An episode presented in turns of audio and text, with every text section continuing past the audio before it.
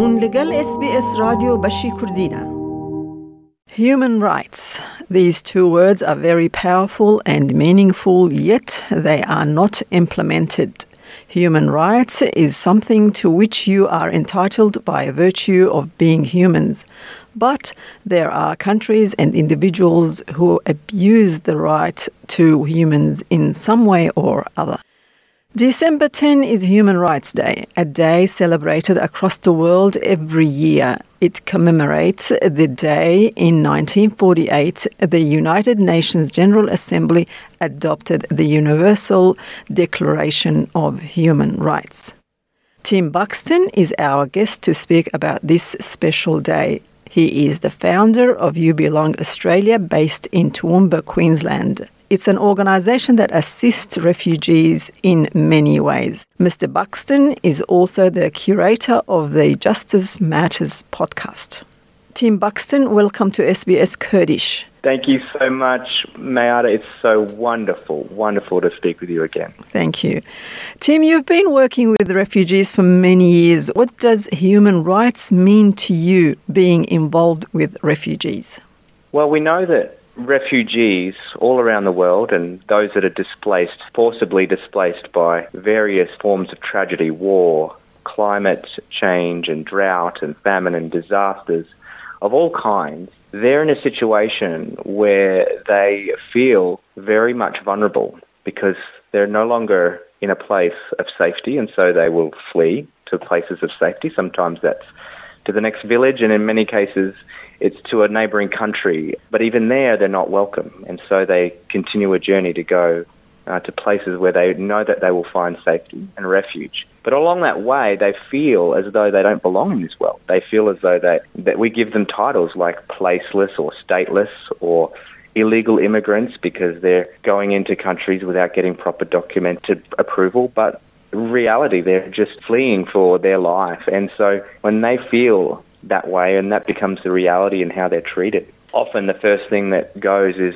their human dignity, their human rights, as so wonderfully introduced, that is universal to all of humanity. And so it's, it's critical that for those that are most vulnerable in our society, that we give them and we afford them the rights to belong, the rights to feel safe, the rights to have self-agency, to be able to be independent and to move and to, to live as they are able to, especially in the times of most vulnerability and the times when they've lost everything. Human rights include the right to life and liberty, freedom from slavery and torture, freedom of opinion and expression, the right to work and education, and many more. How can these rights be achieved, especially in third world countries?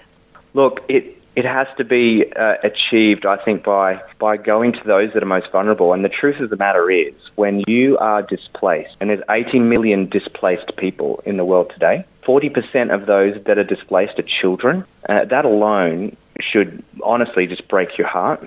They have become the most vulnerable to being exploited by other forms of injustice, whether it be human trafficking, labor exploitation, all forms of other kinds of tragedies and injustices will befall upon them. They're, they're desperate for survival. They fall upon them because they're the most vulnerable. Uh, when you flee and you don't have the support of a community around you anymore, uh, you are desperate.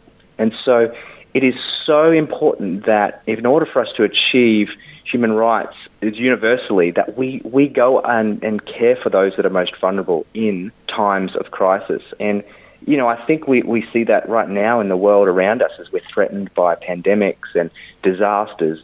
Our heart and our goal really is to protect the vulnerable and to use whatever we have, you know, those of us that have freedoms and rights and privilege and ability to use that to protect those that are most vulnerable. And so in order for us to achieve it, I think we have to prioritize those that are vulnerable. And it's not that they're vulnerable and unable to care for themselves. The whole point of human rights is that they have dignity. They have the ability in fact, in all my works with refugees, mm. in all my works with those that have been displaced, they are the most creative, they are the most intelligent, they are the most brilliant and integrous and most courageous people I've ever met. All they need is the freedom and the dignity to chart their own path, the same things that you and I take for granted. It is the 21st century, but uh, unfortunately, we all have seen the treatment of ISIS to Yazidi girls and women. So, where is the humanity there? When we look at human rights, it can be very easy to look at groups of people.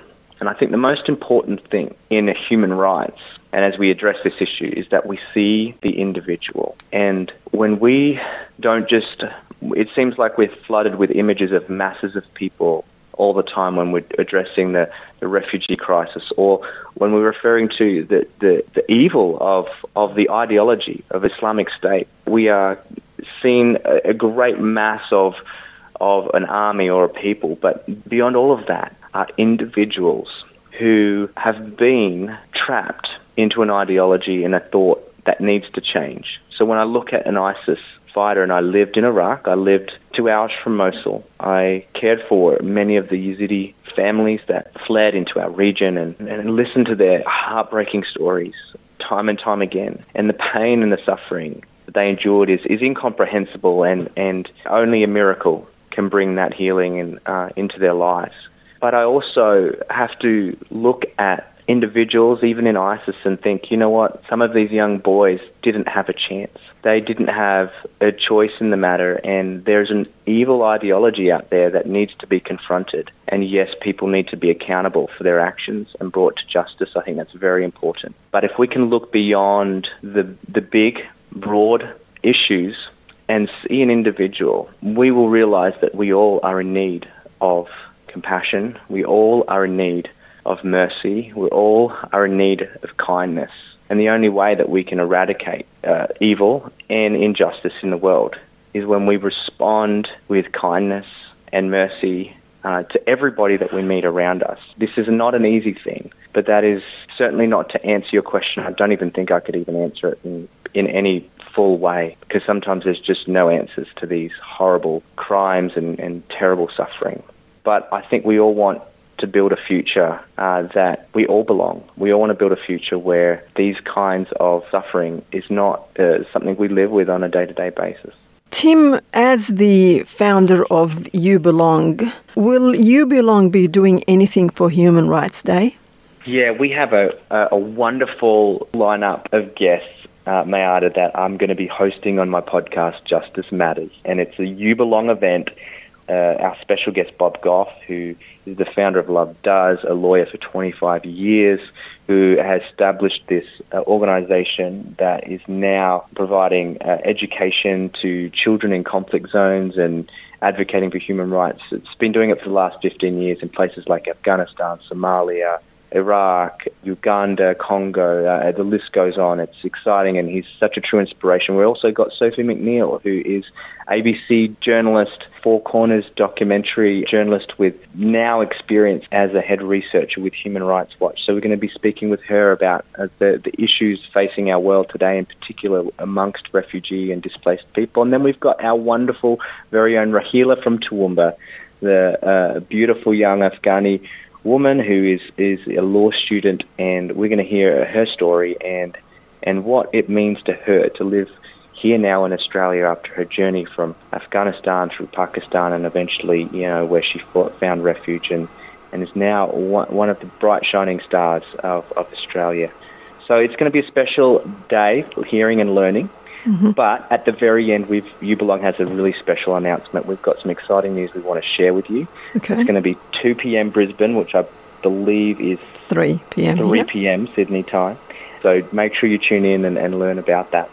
Okay, thank you very much, Tim Buxton, founder of You Belong, and thank you for being on SBS Kurdish and all the best. Thanks, Mayada. It's always a pleasure.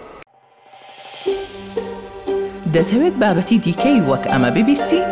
گۆڕایرە لەسەر ئەپ و پۆدکاست گوگل پۆدکاست سپۆتفاای یان لە هەر کوێیەک پۆدکاستەکانت بەدەستدەێنیت.